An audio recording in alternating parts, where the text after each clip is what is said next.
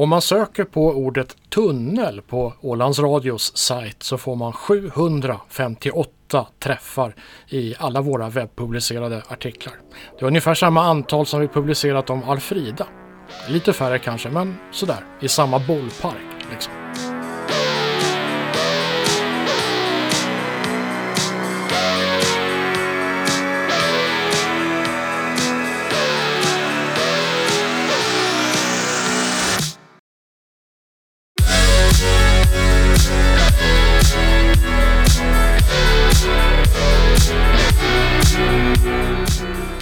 Någonstans så är det någonting som är konstigt.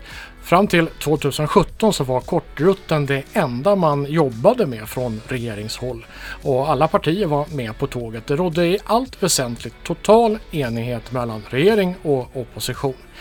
Det var Veronica Törnros som lanserade kortrutsidén. Det var hon som skrev det berömda kortrutsmeddelandet som regeringen Sjögren sedan arbetade efter. Våren 2017 debatterade lagtinget den fullmakt regeringen ville ha för att kunna inleda bygga av bron till Gripö, en hamnanläggning på Mellanholm och köpa en ny batteridriven båt.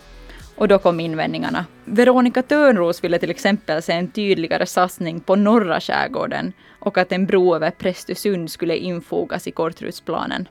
Men det var fortfarande kortrutten som gällde. Invändningarna handlade till största del om att skruva på detaljerna. Det var under budgetdebatten i november 2017 som kritiken mot kortrutten verkligen växte sig stark. Då hade man redan plöjt ner pengar i projektet i nästan två hela mandatperioder. Nu ville oppositionen istället se att man utredde en tunnel. Veronica Törnros som först utrett tunnelfrågan som trafikminister, sen avfärdat tunneln som för dyr och sedan konstruerat och så att säga sålt in hela idén med kortrutsmodellen, gjorde en helomvändning. Och det är det här vi är nyfikna på. Varför bytte man plötsligt spår? Varför var den dåtida oppositionen, Centern, Obunden Samling och Ålands Framtid över en natt beredda att kasta miljonerna som redan satsats på kortrutten i soporna? En annan fråga är hur viktiga Otto Hojar och Hans Holmström har varit för de politiska besluten. Otto Hojar som eh, drev sina föräldrars stugby innan han gjorde en rad utredningar för landskapet och för Fögle kommun. Ursprungligen förresten kring eh, Elon Musks eh, futuristiska Hyperloop. Och så Hans Holmström då som var en av grundarna av Allcom. Tillsammans startade de företaget FS Links för att bedriva lobbyarbete kring Hyperloop och, och senare då kring eh, Fögletunneln. Hade då debatten om en tunnel blivit av om inte de hade satsat på att övertyga politikerna? Och så vårt lantråd då, Veronica Törnros. Hur minns hon historien? Vilka planer var det hon la ner och varför? Vi ska höra henne berätta. Det vi väntar på det är att utredningen ska bli klar och att, att lagtinget ska fatta ett beslut. Ska vi gå in för det här projektet eller ska vi inte? Det, det är ju det vi väntar på. Sen, sen när det beslutet är fattat då, då går ju arbetet vidare och det tar ju förstås det tar ju den tiden tar. Jag menar alla som har försökt eller har byggt ett hus eller, eller en, ett båthus eller vad som helst så vet ju att planeringstiden och byggtiden och allting annat, allting tar ju tid och det här är ju ett, ett Bauta-projekt som kommer att ta tid. Men väntan blir tills vi fattar ett definitivt besked. Går vi vidare med det här eller går vi inte? Hade det inte varit smart att, att eh, konstruera, bygga den här bron nya hamnen och så. Hade du kunnat dra tunneln dit istället? Så, tycker Ja, alltså i, i den, i den sista regeringen som jag satt med i, det där blev lite konstigt nu, men, men när jag var infrastrukturminister och, eh, och Camilla Gunell var lantråd, eh, då hade vi ju färdiga ritningar på fartyg som var framtagna. Där det bara hade varit att push the button så, så hade den beställningen gått in. Och då hade vi fått leveransen två år senare som man hade arbetat med men, men det, det föll inte i, på läppen för, för landskapsregeringen Sjögren. Och det är därför som, som jag säger att eh, det är så väldigt viktigt nu med de här infrastrukturella projekten att vi har en bred parlamentarisk samsyn. Var vi satsar och när vi satsar. För vi har inte råd med det här hattifnattande längre. Nej men det följer ju trafikminister Törnros på läppen då. Varför följde inte eh, lantrådet Törnros på läppen när du tog över makten då? Nej, men det, här, det här har ju liksom för, försvunnit sedan dess. De ritningarna som, som togs fram för sju, snart åtta år sedan, de är ju inte längre, de är ju inte längre aktuella. Nej, men, men principen att bygga den här bron, den här hamnen, köpa in ett fartyg, vilket som helst, i det här fallet Ja, du menar att var, varför tyckte inte jag att det här med, med, med västra, den här kortrutten, alltså trafiklösningen mellan eh, mellan, öst, mellan Fögle och Fastålen, varför tyckte inte jag att den var en, en bra idé? Nej, jag tyckte inte att det var en bra idé för att jag trodde inte på den lösningsmodellen som var framtagen. Så enkelt var det. Var, och, och dessutom, varför? Nå, för det första så eh, eh, var jag tveksam till skulle du ha gjort den, den investeringen, då har du aldrig kunnat bygga en tunnel. Då har du för all evig tid eh, stoppat upp det här till Föglö.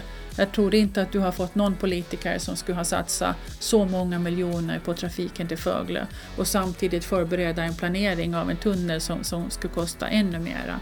Plus att det avtal som var framtaget, det var ju tänkt, om det var, kommer inte ihåg, det var på 15 eller 20 år som det var tänkt att det skulle vara i kraft. Så det har ju inte hänt någonting på den, på den tiden i alla fall. Och jag, jag tror faktiskt innerst inne att jag tror alldeles på riktigt som jag brukar säga att, att en tunnel till Fögle kommer att bli väldigt, väldigt bra för hela den regionen och kanske för hela skärgården.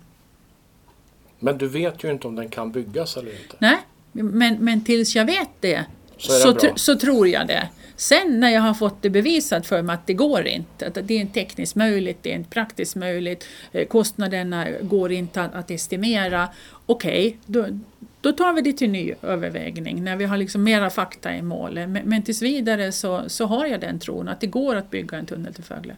Du vet inte om det går att bygga en tunnel, du vet inte om det går parlamentariskt och du vet inte om det går eh, praktiskt Nej. eller ekonomiskt. Allt det vet, du, vet, du, väldigt många av de politiska projekt som jag har drivit så har jag faktiskt inte, det finns ingen facit i politiken. Du måste, du, måste, du måste veta själv och ha en känsla för vad är möjligt, vad är rätt och så försöker du driva i den riktningen. Sen ibland så kommer fakta emot som säger att det där går inte. Okej, okay, ja, men då.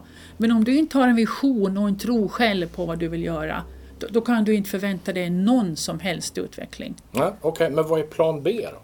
Om det här inte funkar? Jag tycker vi ska gå vidare med bro vid Prästesund. Tycker vi ska gå vidare med Östra Fögle. Och i så fall, om det inte går att förkorta färgpasset på ett rimligt sätt, vilket ju har varit svår, svårnavigerat tidigare i alla fall, så då man, måste man ju öka på turtätheten. Det är ju det enda du kan göra. Om du vill att, att du ska få ett bättre flöde av kommunikation mellan Fögle och i förlängningen andra skärgårdskommuner.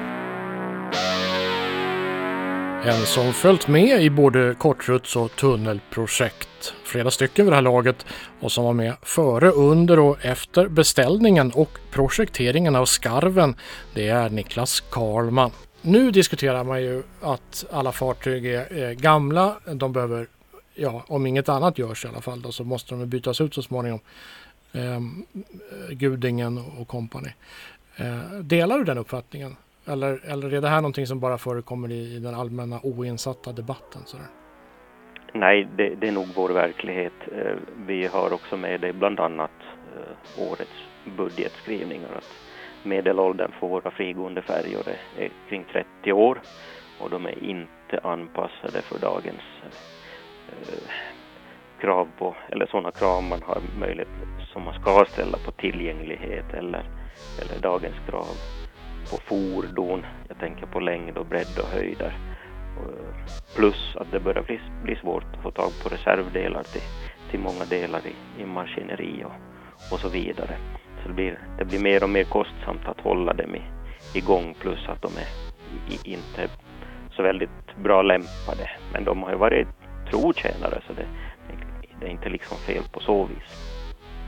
Men hur länge kommer de att jag vet inte, hålla sig flytande, men, men det är väl kanske irrelevant. Hur länge kommer det att vara ekonomiskt och praktiskt möjligt att ha dem i drift fortfarande? Vi börjar få signaler från olika leverantörer av, av reservdelar att de, att de slutar hålla, hålla delar för oss eller för liknande uh, typer av, av motorer och, och, andra delar. Så det, det, är ju en signal om att, att vi kommer att inom en, en snar framtid få, få svårt att, att hitta delar om, om det är någonting som ska repareras. Så Så ju, ju förr vi har möjlighet att uppdatera dem desto bättre. Mm. Men i, i, värsta fall då? Hur, hur, alltså, en snar framtid, hur lång är en snar framtid? Ja, det är nästan omöjligt att säga. Vi, vi hoppas ju att de håller igång men, men ska, man, ska man dra till med någonting så här så, så eh, jag tror att inom en treårsperiod så kan det, kan det börja finnas delar som inte finns att tillgå. Även då så fanns det ju ett, ett behov av, av förnyelse av flottan. Det, det, finns det ju. Det är ju löpande det behovet. Och uh, Viggen hade ju kommit då tidigare 98 och uh, Skarven då 11 år senare och, och, det borde det borde egentligen vara en lite snabbare takt som det, som det förnyas. Eh, rimligt att tänka sig att, uh, att Fögle med den mest intensiva trafiken är, är där man sätter in ett nytt fartyg. Eh, med tanken var ju nog också att eh, i, inom inom den liksom, tidsrymd eller i den takt som man ser möjligt så skulle man nog förnya eh, övriga delar av flottan också. Det var väl snack om att det skulle bli ett systerfartyg till Skarven i något skede i alla fall. Det blev ju aldrig så som bekant. Uh, ja, ett, ett, ett ganska snarlikt i alla fall så mm. var, det, var det ett tag tänkt att, att komma på in på norra linjen. Mm. En, en, en, kanske en lite modifierad version men, men dock. Vad var det med skarven som man inte var nöjd med? Jag vet ju att det var massa inkörningsproblem. Och, men bortsett från det, rent konstruktionsmässigt, var det någonting som man inte var nöjd med? Att det här borde vi ha gjort annorlunda? Alltså, skrovformen och så eh, eh, upplever vi inte att det är något större fel på utan det är väl eh, drivlinan då som, som går att optimera och det gör man, det gör man nog för varje, varje linje separat beroende på hur, hur tidtabellerna ser ut och, och, hur trafikeringen ser ut så att man får ett optimalt fartyg. Eh, vi har ju sett, vi har kunnat dra slutsatser med, med skarven att, att hon, är, hon är rätt dyr att, eh, att hålla igång. Alltså de här roderpropelleraggregaten är, är inte billiga saker. Och eh, en annan aspekt som man kan fundera på så är, är att eh, utrusta ett fartyg med med flera små Eh, hjälpmaskiner som tillverkar, tillverkar el och, och, att man driver det dieselelektriskt då istället. Eller nu ska vi ju för sig börja titta på alternativ till fossilt bränsle naturligtvis. Men eh, jag, jag, tänker mera så här eh, överlag att man, man kanske går ifrån en enda eller två stora huvudmaskiner och, och tittar på alternativ med, med flera små för att kunna, kunna optimera effektuttag vid varje situation. Mm, Okej. Okay. När du säger att hon är dyr, då menar du inte i, i, eh, i drivmedel utan det är, det är underhållet som kostar pengar? Alltså, är det så du Jo, exakt. Det, det, var underhållet som jag avsåg. Att de här roderpropelleraggregaten som sågs över i, i samband med att hon blev tio år. Så det, det var ingen billig historia. Men vad betyder det då? Om, om du skulle köpa eh, en, en ny motsvarande skarven nu, då skulle du välja ja, inte en båt med, med sådana här motorpoddar då? Ja, det skulle kunna bli det nog också, men, men man kanske får se, skulle kunna se på en annan variant. Eh, det där är också teknik som utvecklas konstant. Så man, man kan hitta, hitta bättre grejer om man, om, man, om man tittar tio år tillbaka och jämför med vad det finns idag. Mm. Men de, jag, jag... Så det, kan bra bli, bli, det skulle bra kunna bli någonting likadant om det är en likvärdig linje. Då har vi liksom bakgrunden där. Det blev bara en Skarven och där eh, slutade upprustningen av skärgårdsflottan. 2009 blev 2010 och alla Skarvens barnsjukdomar rättades till vartefter. Vid eh, sådär 2011 ungefär så är hon ett mycket välkommet tillskott för Föglaborna och dess fiskindustri.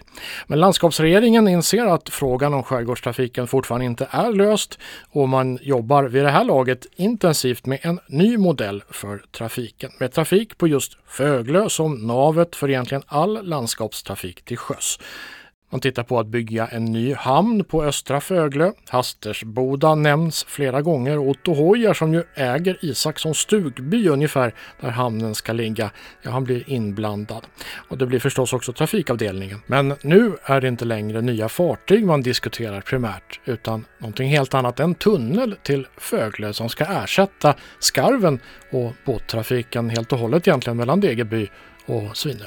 Men som sagt, tunnelplanerna har man ju diskuterat sedan 2006 på lite större allvar innan dess också för all del. Nu börjar de här planerna ta form på allvar.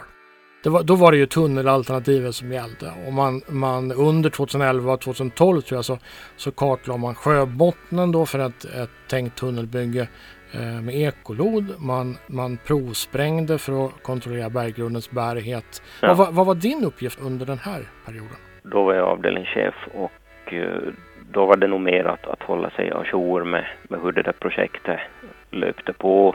Jag gjorde, och jag kommer också gjorde lite kalkyler också på, på, på tunnelkostnader och jämförde med olika, olika sätt att lösa trafiken.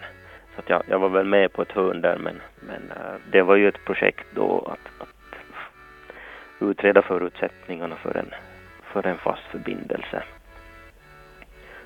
och, och eh, liksom, i jämförelse med den, med den färjetrafik som, som pågick.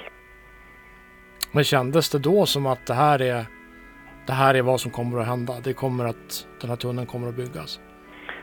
Ja, inte fick jag väl riktigt den känslan då heller att, att det här kommer att, att förverkligas. Åtminstone inte jättesnabbt. Men, men samtidigt så ska jag väl erkänna att från att från att i första skedet ha avfärdat alla tunnelplaner som, som, som bara fantasier så nog, nog började man liksom titta på det med lite, lite nyktrare ögon och, och, och faktiskt tänka sig in i, i, vilka fördelar det finns med en fast förbindelse. Men eh, ja, som ekonom så vill man ju också ha med den här sifferbiten och, och, och liksom kunna övertyga sig på det viset också att, att det här är en bra affär. Ja, nådde du dit då? då? Nej, då nådde jag inte dit tyvärr. Men eh, allt som har med siffror att göra så är beroende av vad man sätter in för siffror. Som med det mesta så kan man ju visa det som, det som man önskar med att sätta in rätt parametrar. Eh, Veronica Törnros säger ju själv att, att eh, ett skäl till att tunnelalternativet föll den gången det var att man inte så ansåg sig ha råd med ett tunnelalternativ som var tillräckligt säkert. Jag kommer bara ihåg att, att alla de där varianterna diskuterades och, och, och, det är precis som du säger att, att om man börjar med att sätta säkerhetsnivå så då, då går det lätt så att, att man, man, inte kan räkna hem ett sådant projekt. Att det blir för dyrt i förhållande till, till den trafik man har idag. Och eh, sätter man en prislapp som, som man anser att man skulle kunna ha råd med eller är värd, värd att satsa så, så kanske det är en säkerhetsnivå som man inte känner sig bekväm med. Det blir egentligen en ganska kort sejour med allvarligt funderande på tunnlar till Föglö. 2011-2012 så dör tunnelplanerna. Orsakerna är flera. En orsak är att medlemmar i regeringsblocket börjar engagera sig och skriva under protestlistor eh, emot markappropriation. En annan orsak är att eh, trafikminister Veronica Törnros helt enkelt inte hittar en tunnellösning som passar för Åland. Vad som till slut blir den avgörande faktorn för eh, trafikminister Veronica Törnros att helt skrinlägga planerna på en tunnel, det vet vi inte. Men problemet kvarstår att skärgårdstrafiken kostar alldeles för mycket för lilla Åland och det här är inte löst på något sätt. Så därför entré kortrutten om tunnelplanerna var lagda på is då så då, då, liksom, då går man över till, till ett annat alternativ. Och eh, ska det inte, om, om, om beskedet att det inte ska vara fast förbindelse, ja men då, då måste man istället se över på vilket sätt man kan effektivisera eh, trafiksystemet så som det är för att få det så effektivt som möjligt. Så det, det var nog ingenting som jag reflekterade desto mer över utan det, det, ett alternativ bort från bordet och sen ser man vad det är för alternativ kvar att titta på. Och göra det bästa av det. Mm. Men du uppfattar inte att det var så att politikerna bara vände, eh, ja, blicken åt ett annat håll. Att nu, är äh, hörni, vi gör det här istället. Utan det här blev en naturlig följd snarare utav att... Det är nog en naturlig följd. Att vi, kan, kan man inte komma framåt med en, en fast förbindelse så får man titta på, på näst bästa alternativet. Så långt Niklas Karman alltså.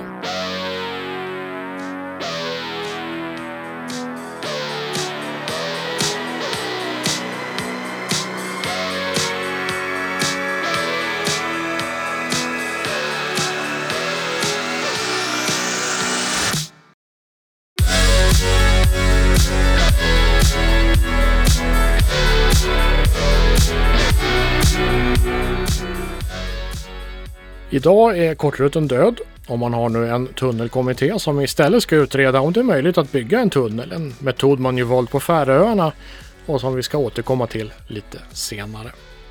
En stark röst i att vända opinionen till en tunnel och i alla fall stärka Centerns röst i frågan under den här mandatperioden tillhör Centerns Jörgen Pettersson. Han sitter också med i tunnelkommittén och vi ska få hans bild av hur allting vände.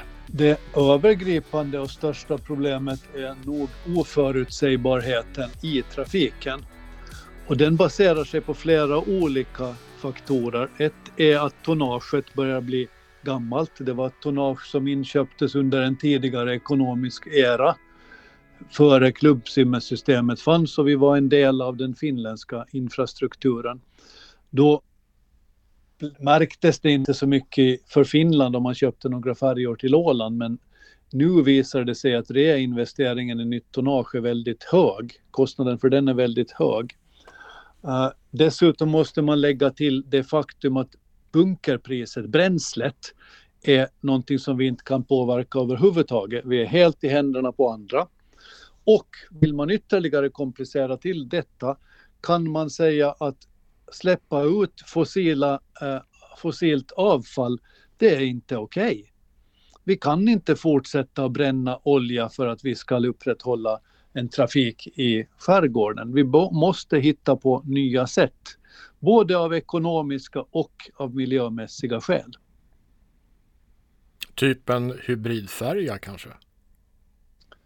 Den, det är ett alternativ, absolut. Det har man prövat på många andra ställen också.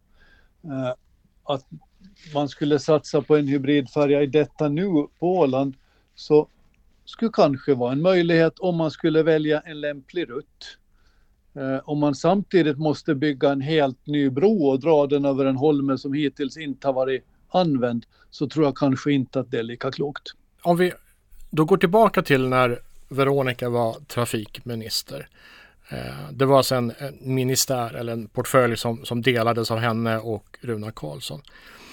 Eh, hon tog över och hon kommer ju sen att utreda tunnelfrågan, det kommer vi komma in på. Men då, 2000, eh, alltså 11 ungefär då, då var du fortfarande redaktionschef på Ålandstidningen. Eh, vad hade du för tankar då? Om, om du hade några kring just tunnlar och broar och skärgårdstrafik i allmänhet. Vad var din uppfattning då? Har den förändrats sedan dess? Ja, det har den ganska mycket. Jag hade väldigt ytliga insikter i skärgårdstrafiken, det måste jag medge. Jag förstår hur fartyg fungerar och jag begriper infrastrukturen, hur den är upplagd. Eh, jag minns att jag ungefär år 2009 gjorde en intervju med dåvarande trafikministern Runar Karlsson som hade lanserat en idé att man skulle anlägga en tunnel mellan fasta Åland och Fögle. Och jag minns att det kändes som lite science fiction och nästan lite hokus pokus. Och jag tänkte att kan detta faktiskt vara seriöst? Jag lyssnade på vad Runar hade att säga och jag minns att jag skrev en artikel om det och när jag hade satt sista punkten vid den artikeln så slog det mig att det här är nog inte så dumt, han har ju rätt. Och den övertygelsen har jag stärkts i allt eftersom. När jag ser hur svårt det har varit att upprätthålla en stabil trafik, för folk som bor i skärgården har rätt till en stabil trafik. Och folk som bor på fasta Åland ska också ha möjlighet att enklare och mer förutsägbart ta sig ut till skärgården. Det handlar inte om att bara rädda skärgården. Det handlar i första hand om att göra Åland större. Vad var Runars argument då? Minns du det? Minns du vad, vad det handlade om? Samma som nu. Kostnaderna för att driva skärgårdstrafiken räcker mer än väl till att finansiera ett tunnelbygge på lång sikt. Det är väldigt enkelt alltså. De pengar som idag går åt till att köpa bunker och bränsle och hålla färgpersonal med löner så räcker till för att finansiera bygget av ett tunnel och det blir dessutom billigare än vad kostnaderna är idag om man slår ut det på en säg 30 eller 40 år. Och efter det, när tunneln är betald efter dessa 30 till 40 år, då är skärgårdstrafiken typ gratis. Det är lite för förenklat att uttrycka det så, för man har underhållskostnader i en tunnel. Men jämförelsevis så kan man när en tunnel är färdig spara flera miljoner varje år på trafiken. Samtidigt som den blir mer förutsägbar, den blir säkrare, den gör att skärgården kommer närmare fasta Åland. Det betyder att livsbetingelserna i skärgården blir betydligt mer likartade de på fasta Åland. Polisen kommer dit enklare, sjukvården kommer dit enklare, varutransporterna löper smidigare. Det finns så många fördelar förutom de rent ekonomiska att jag tycker vi börjar närma oss en punkt när vi behöver börja fatta beslut. 2009 så, så fick Otto Hojar 50 000 för att utreda en Fögletunnel. Eh, eller egentligen skulle han få 70 000 men den här utredningen blev kan vi säga rätt problematisk. Han fick bara 50 000 till slut. Han började utreda andra saker istället. Men, men idén med tunneln som, som ju lanserats långt tidigare, den skulle då sättas på pränt och räknas på för första gången. Det var, det var liksom hans uppdrag. Eh, det här är ju då eh, lite före det att Veronica tog över som trafikminister. Kommer du ihåg vad du hade för tankar om just tunnelalternativet då? Det jag minns så det var det som, som på sättet som, som Runar Karlsson presenterade det hela. Eh, alla vet att gräva en tunnel är inte enkelt. Det finns säkert en massa överraskningar längs med vägen.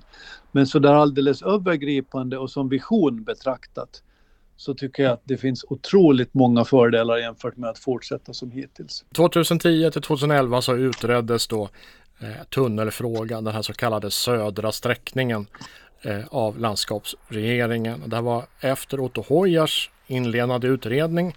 Eh, nu var det Runar och Veronica som, som var trafikministrar efter varandra. Det provsprängdes och det stärkte, förstärktes vägar på Föglö. Det, det pratades med Otto Hojar då i hans roll som ägare utav marken där i Hastersboda. Vad hette det? Is Isakssons stugby var hans föräldrars stugby.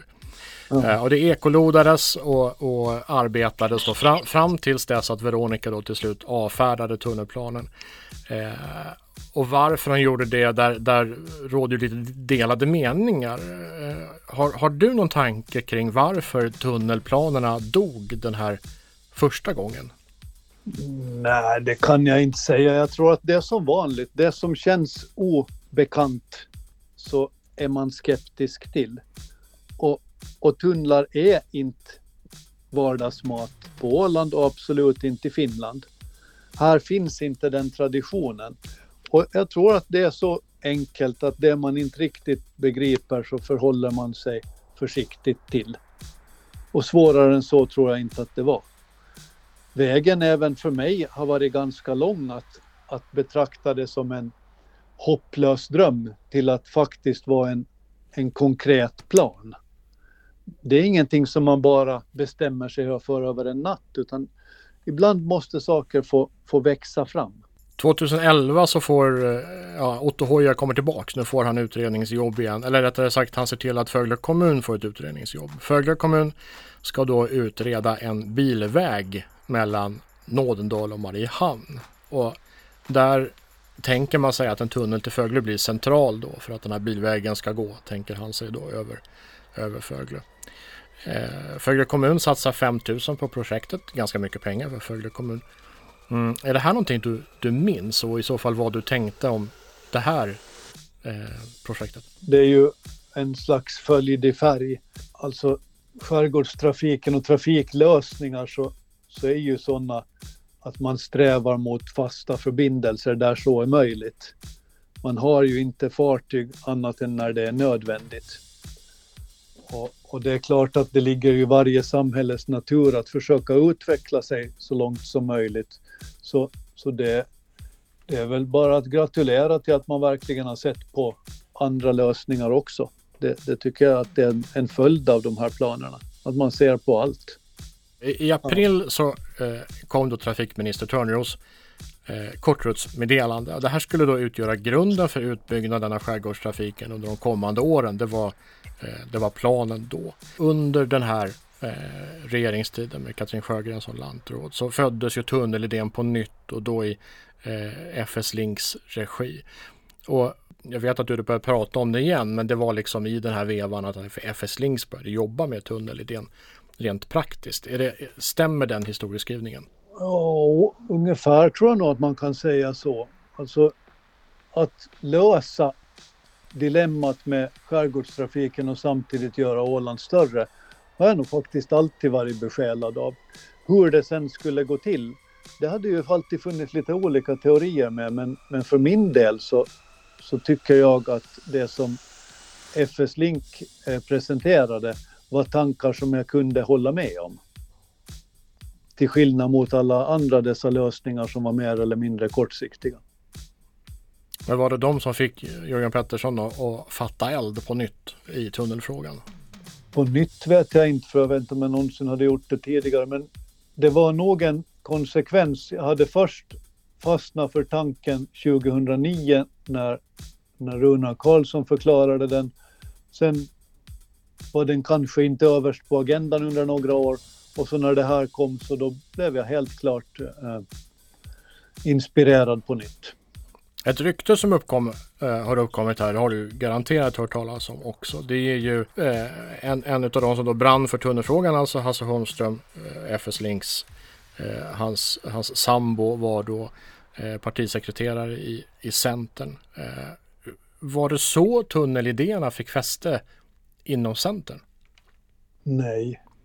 Nej, det var det inte. Faktiskt inte alltså. Det där, det där, nej, det var, så var det inte. Vill du utveckla det där? Hur, hur kan man utveckla ett nej? Det, det, var alltså inte så. Det var, Jenny hade ingenting med det där att göra. Det där var någonting helt annat. Det där, det där diskuterade vi inte ens, inte ens fast vi satt i samma kontor. Så hon var inte något, något språkrör för FS Links? Hon saluförde inte deras idéer någonsin? Aldrig, aldrig. Snarare tvärtom. När det kom på, på, på frågan så lämnade hon rummet. Hon var otroligt noga med det där. Redogjorde hon för sin egen åsikt i tunnelfrågan någonsin, som du minns? Nej. Nej, det minns jag faktiskt inte. Men hon är ju en tänkande människa så hon drar väl sina egna slutsatser. Det, det, det, jag minns inte, inte som hon marknadsförde det, det kan jag absolut inte säga. Mm. Okej, okay, kortrutten då. Vad, det var ju då under eh, ja, men, eh, Centerns tid i opposition eh, då, alltså under Katrin Sjögrens regeringstid. Vad var det rent principiellt som inte funkade för dig med, med eh, kortrutsidén? Sättet som det lades upp på att man för det första skulle bygga en helt ny hamn på Fögle när det redan finns en hamn. För det andra att man gav sig in på att testa rätt obeprövad teknik. Att man fick ett anslag ifrån Ålands lagting som man gick in för att överskrida med miljoners miljoner. Och man bara sade ja.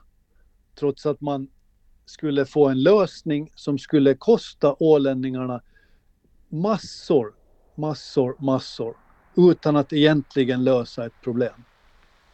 Enligt min mening så var förslaget som de presenterade det var synnerligen ogenomtänkt och synnerligen eh, försvårande för att skapa en levande skärgård. Man skulle ha gjort saker svårare, man skulle ha gjort det dyrare, man skulle inte ha löst problem.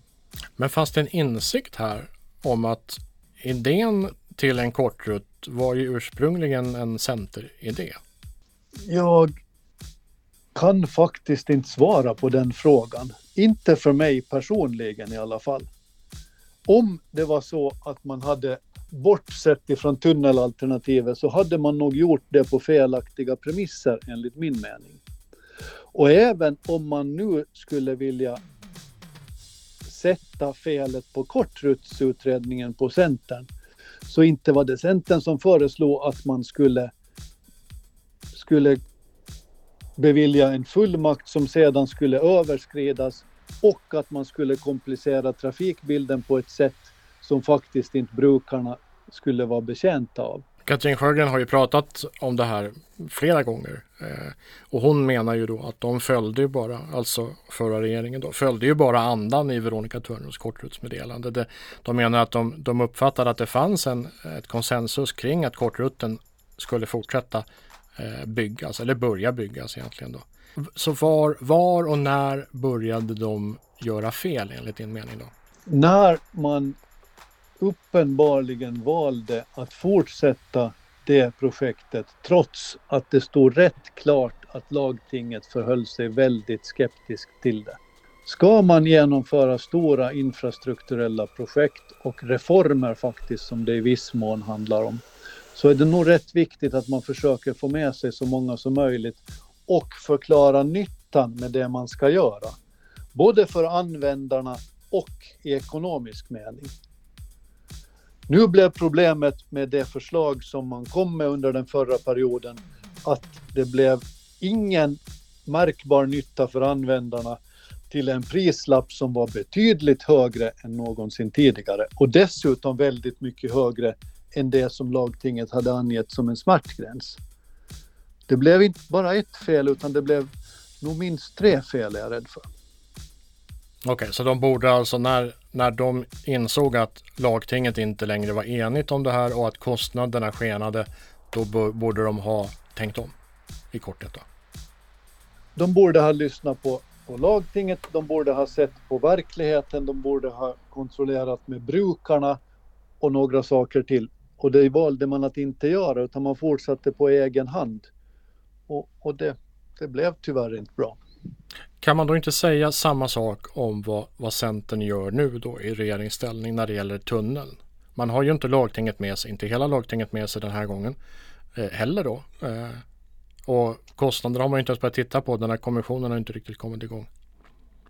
Nej, det där är nu inte sant. Det finns en parlamentarisk kommitté där alla partier ingår förutom Socialdemokraterna som av för mig okända skäl har valt att stå utanför det. Kommittén har i detta nu haft snart ett halvt dussin möten. Vi har granskat olika saker, vi har hört olika människor, vi har hört folk från Färöarna som har berättat om tunnel, vi har sett på finansieringssystem.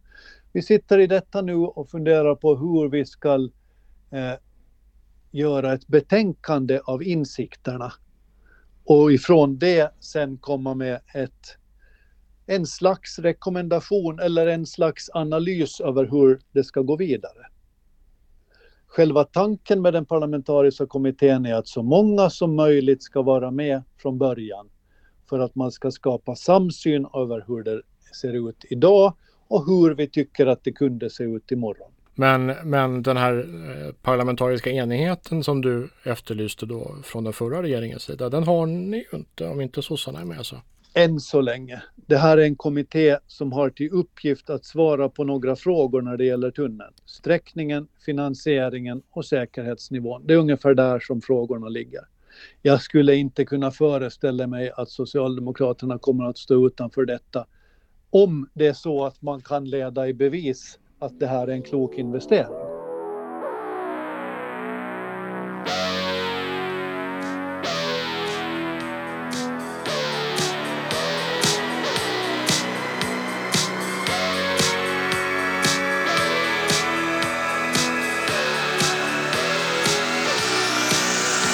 Nu ska vi vända blicken västerut till en annan självstyrd region, nämligen Färöarna. För Färöarna nämns ofta när tunnlar kommer på tal, vilket är inte konstigt då de byggt tunnlar på löpande band. En av tunnlarna, Nordöjatunneln, som binder Österoj med Nordöjarna, som färdigställdes i april 2006 med en prislapp på 395 miljoner danska kronor, är ganska lik den tunneln som många nu vill se här på Åland. Georg L. Petersen nyhetschef på det färiska public service-bolaget Kringvarp Föröja, säger att fiskeindustrin var en stor anledning till att tunneln byggdes. Ja, det var, det var ett av argumenten. Det var, det var export, det var, det var fiskindustrin för att, att göra det lättare att ha industri på Nordöarna. Därför man försöker också på Färöarna ha ganska mycket verksamhet eh, runt omkring i landet och Nordöarna var ganska isolerade på grund av att, att de bara hade en färja. Och man kan också säga att en färja, den, den kan också få motorstopp och annat så, så blir det kanske inte någon øh, stabil øh, eh, trafikled när, när en färja kanske inte seglar två, tre dagar och du ska hålla dina avtal med dina kunder nere i Europa och så vidare. Så, så därför är det viktigt att det är, att, att det är konstant, att eh, øh, man kan köra eh, fram och tillbaka. Nordöatunneln har ju varit en väldigt stor investering 395 miljoner kostade att bygga. Var det en offentlig debatt innan eh, tunneln byggdes? Ja, det var det. Det var ganska mycket debatt. Eh, det, var, det var den nästa tunnel av, av, sin slags. Vi hade ju en som eh, den första undersjötunneln, eh, den var till eh, den som heter Vågö, där var flygplatsen ligger.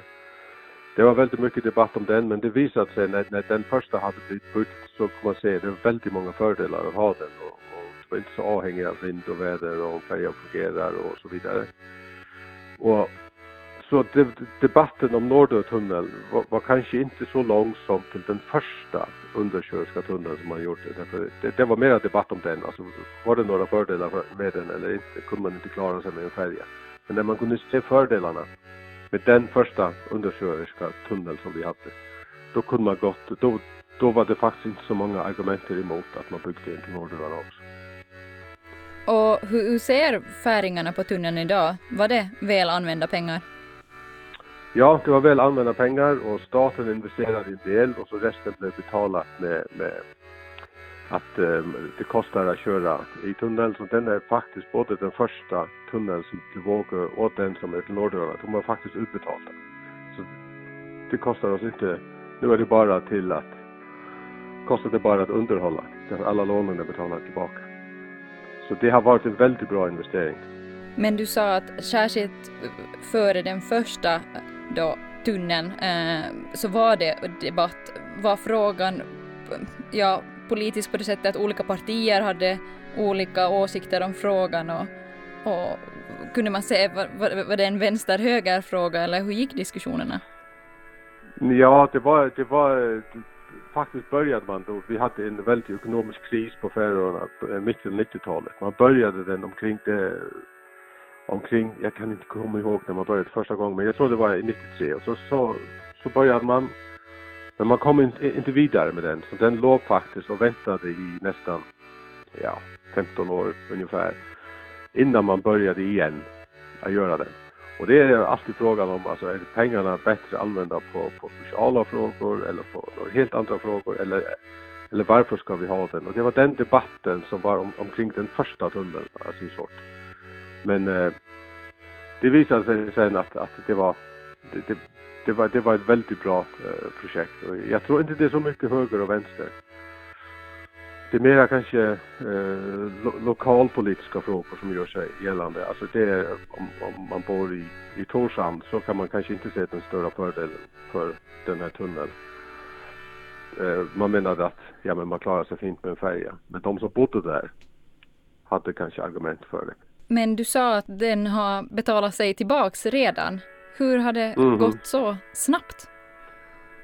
Ja, det är det att eh, det var eh, till den, de två första tunnlarna, då var det, eh, jag kan inte komma riktigt ihåg hur mycket det var, men staten betalade, jag tror det var två, två tredjedelar av tunneln. Och resten så skulle så finansieras med eh, trafiken, alltså man ska betala varje gång man kör igenom. Och det är betalat tillbaks nu och, och staten har så betalat resten. Så, så, så nu, nu, nu är det, ja ja, alla är glada. En avgörande faktor till hur mycket en tunnel kostar att bygga är säkerhetsstandarden. Hur bred körbanan ska vara, om det ska finnas utrymningsvägar och så vidare. På Åland har just säkerheten varit en stor del av tunneldiskussionen eftersom det inte finns några färdiga standarder då det inte finns några undervattenstunnlar. På Färöarna har man följt norsk standard som, vilket bör nämnas, är lägre än EUs krav. Men EUs regler är ingenting som Färöarna behöver förhålla sig till då det inte är en del av EU. Georg L. Petersen ser att säkerheten i tunnlarna aldrig ledde till någon politisk diskussion. Nej, faktiskt inte. Det, det, det, det är hela tiden något som man, de har tänkt på när de har byggt tunnlarna. De har byggt efter norska föreskrifter. Normen är ju de som kanske är, är de bästa på att bygga tunnlar så man har använt deras Eh, säker, säkerhetskrav och så vidare. Det är det som är blivit implementerat här också när man har byggt de eh, färska färöiska tunnlarna. Så det tror jag är, är tipptopp alltså. Det, det skulle vara bra. När de två första tunnlarna byggdes på Färöarna betalade landstyret, det vill säga den färöiska motsvarigheten till landskapsregeringen, tre fjärdedelar av priset. Resten bekostades av tunnelavgifter. Just nu håller man på att bygga sin hittills längsta tunnel som kommer att bli 10,8 kilometer lång till en ö som heter Sandö. Och den kommer att bli dyr, säger Georg L. Petersen. Därför den kommer inte att betala tillbaks sig själv. Men, det kommer att ta många år. Men hur kom man fram till att man ska bygga den ändå? Därför man säger att uh, den ön, Eh, det bor faktiskt bara, alltså det nyaste som man bygger på nu, alltså det bor bara 1500 människor på den ön. Och, och den kostar långt över en miljard, den, den nya tunneln man bygger nu. Men eh, man säger att, att, så räknar man med att eh, det kommer igång i industri och turism och, och, att det flyttar folk dit så att det, därför de andra tunnlarna har visat att där var det är tunnel, där, där, där, där händer ganska mycket framskritt. Det, det, det, folk flyttar dit och vi kommer igång i industri därför det är lättare att komma fram och tillbaka och så vidare. Man kan bo där och man kan uh, jobba i Torshamn och allting blir, alltså med bra infrastruktur så, så, så blir allting så mycket uh, lättare. Men då när man bestämde då att bygga den här nyaste tunneln till ett litet samhälle, var det mm. då några politiska diskussioner om huruvida det var, var vettigt att ja, göra? Det, ja, därför den, den ville man inte bygga först hand, därför den kommer att bli så dyr. Men så var man först i hand igång med ett nytt projekt som skulle bygga, eh, som skulle vara emellan de två stora öarna på Färöarna, Strömö och Österö. Och den säger man att den tunneln, där är så mycket trafik mellan de två stora, stora öarna att den vill kunna betala sig tillbaks på ganska kort tid. Men så sa man okej, okay, hvis man ska bygga den här tunneln till Sandö som kostar så mycket till så få folk så, så, så la man i samma bolag, de här två tunnlarna. Så den tunneln som tjänar många pengar ska kunna betala på den andra. Tror du att uh, utan den här lösningen att man skulle ha byggt den här tunneln till Sandö? Ekonomiskt sett tror jag inte det är något, någon, någon bra idé men eh, då får vi se. Eh, men det är de som, som, som är ganska missförnöjda, alltså som är inte är så glada för det. Det är, det är de som bor på den här ön Österön. Därför de säger att vi ska betala mycket för att köra igenom vår tunnel för att betala för den andra. så det är, de är inte alla så glada för det. Men det, om det inte hade blivit den konstruktionen så att den här nya stora tunneln inte blivit byggd. Det tror jag inte. Om du skulle få ge råd till politikerna här på Åland eh, som står här och funderar över, eh, över tunnel, vad skulle du säga till dem? Ja nu, ja, nu känner jag ju inte hur, det är på, på Åland med hur många färjor man kan spara bort och, och så vidare och om det är industri på de öarna man bygger till. Men, men som utgångspunkt tycker jag det är en bra idé, en riktigt bra idé. Här har det, vi har i alla fall bevisat här på Färöarna att, att det är en bra idé och så hvis staten går, eller det, det, det på, på Åland eller regeringen på Åland går in med, med, med en viss del pengar och så har man tar resten från eh, bilisterna så garanterar jag för att, att det är något man vill bli väldigt glad för eh, fram, eh, några år fram. Helt säkert. Och där hörde vi Georg L. Petersen som är nyhetschef på public service-bolaget på Färöarna kring Varpföröja. Där har vi det. Den stora skillnaden är att Färöarna har byggt en tunnel redan medan vi på Åland har ägnat 15 år eller mer åt att diskutera hur vi ska lösa vår skärgårdstrafik. Vi får väl se vad som händer här. Blir det en tunnel till Föglö i framtiden eller börjar den här processen om på nytt efter nästa val? Och medan vi väntar så fortsätter skärgårdstrafiken att kosta. Våra fartyg blir allt äldre och allt svårare att reparera. Jag heter Felicia Bredenberg. Och jag heter Frippe Granlund.